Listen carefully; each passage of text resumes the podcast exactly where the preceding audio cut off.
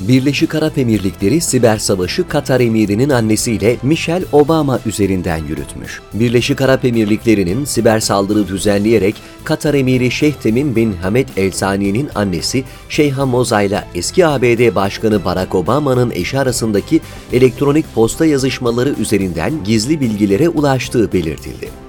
Birleşik Arap Emirlikleri 2008'den bu yana eski ABD'li ve İsrailli ajanlardan destek alarak kurduğu siber orduyla hedefindeki kişiler veya ülkelere ait hassas bilgileri elde etmeyi amaçlıyor. İranlı nükleer bilimci Fahrizade, İran'a parça parça sokulan bir tonluk silahla öldürüldü. İranlı bilim insanı ve nükleer programın mimarlarından Muhsin Fahrizade'nin İsrail İstihbarat Teşkilatı Mossad tarafından İran'a parça parça sokulan, delillerin yok edilebilmesi için bomba entegre edilmiş bir tonluk uzaktan kumandalı silahla öldürüldüğü iddia edildi.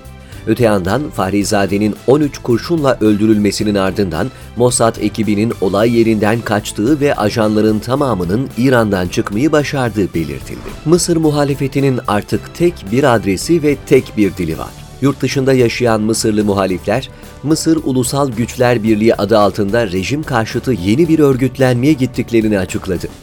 Mısır'ın eski Cumhurbaşkanı adaylarından Eymen Nur'un başkanlığını üstlendiği Ulusal Güçler Birliği artık Mısır muhalefetinin tek bir adresi ve tek bir dili olduğunu duyurdu birliğin ihvan dahil olmak üzere herkesin katılımıyla çeşitliliği koruyacağını ve kapısının herkese açık olduğu vurgulardı. Mısır Ulusal Güçler Birliği 20 maddelik ilkeler belgesindeki taleplerle dünyaya seslenecek.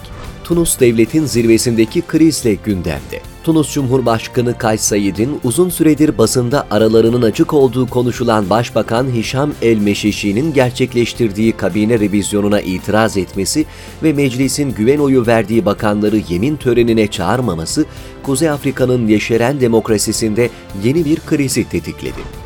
Suriye'de rejim güçleri İdlib'e saldırdı, 7 kişi yaralandı. İdlib'in güneybatısındaki Kefrenbil beldesinde konuşlu Esed rejimi ordusuyla İran destekli yabancı terörist gruplardan oluşan rejim güçleri İdlib'in güneyindeki El Bara köyünü topçu saldırılarıyla hedef aldı. Saldırıda ikisi ağır olmak üzere yaralanan 7 sivil hastanelere kaldırıldı rejim güçleri gün içerisinde İdlib'in Cebel Zaviye bölgesindeki Beynin ve Deir Sünbul köylerinde de yoğun roket ve hava saldırısı düzenledi. İran, nükleer bilimci Fahrizade suikastında ordudan bir kişinin parmağı var. İran İstihbarat Bakanı Mahmut Alevi, 27 Kasım 2020'de öldürülen Savunma Bakan Yardımcısı ve nükleer bilimci Muhsin Fahrizade suikastının yerini 5 gün önce bildiklerini ancak suikastı hazırlayan kişi silahlı kuvvetler mensubu olduğu için suikastı engelleyemediklerini açıkladı. Alevi olaydan iki ay önce saldırının gerçekleştiği bölgede suikast olabileceğine dair istihbaratı silahlı kuvvetlerle paylaştıklarını ancak gerekli tedbirlerin alınmadığını da ifade etti. Yerinden edilen çocukların acılarını oyuncaklar dahi dindiremiyor. Beşar Esed rejimi güçlerinin saldırıları nedeniyle iki yıl önce yerinden edilen Muhammed Kıteyş, Suriye'nin İdlib ilinde sığındığı kampta çadırdan oyuncak dükkanı açtı.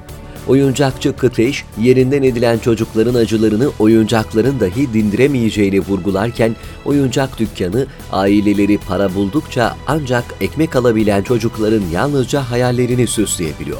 İslami Cihat Hareketi Filistin seçimlerine katılmayacağını açıkladı. Filistin'de İslami Cihat Hareketi Filistin Kurtuluş Örgütü ile İsrail arasında 1993 yılında imzalanan Filistin halkının haklarını heder eden Oslo Anlaşması kapsamında olduğu gerekçesiyle gelecek seçimlere katılmayacaklarını duyurdu.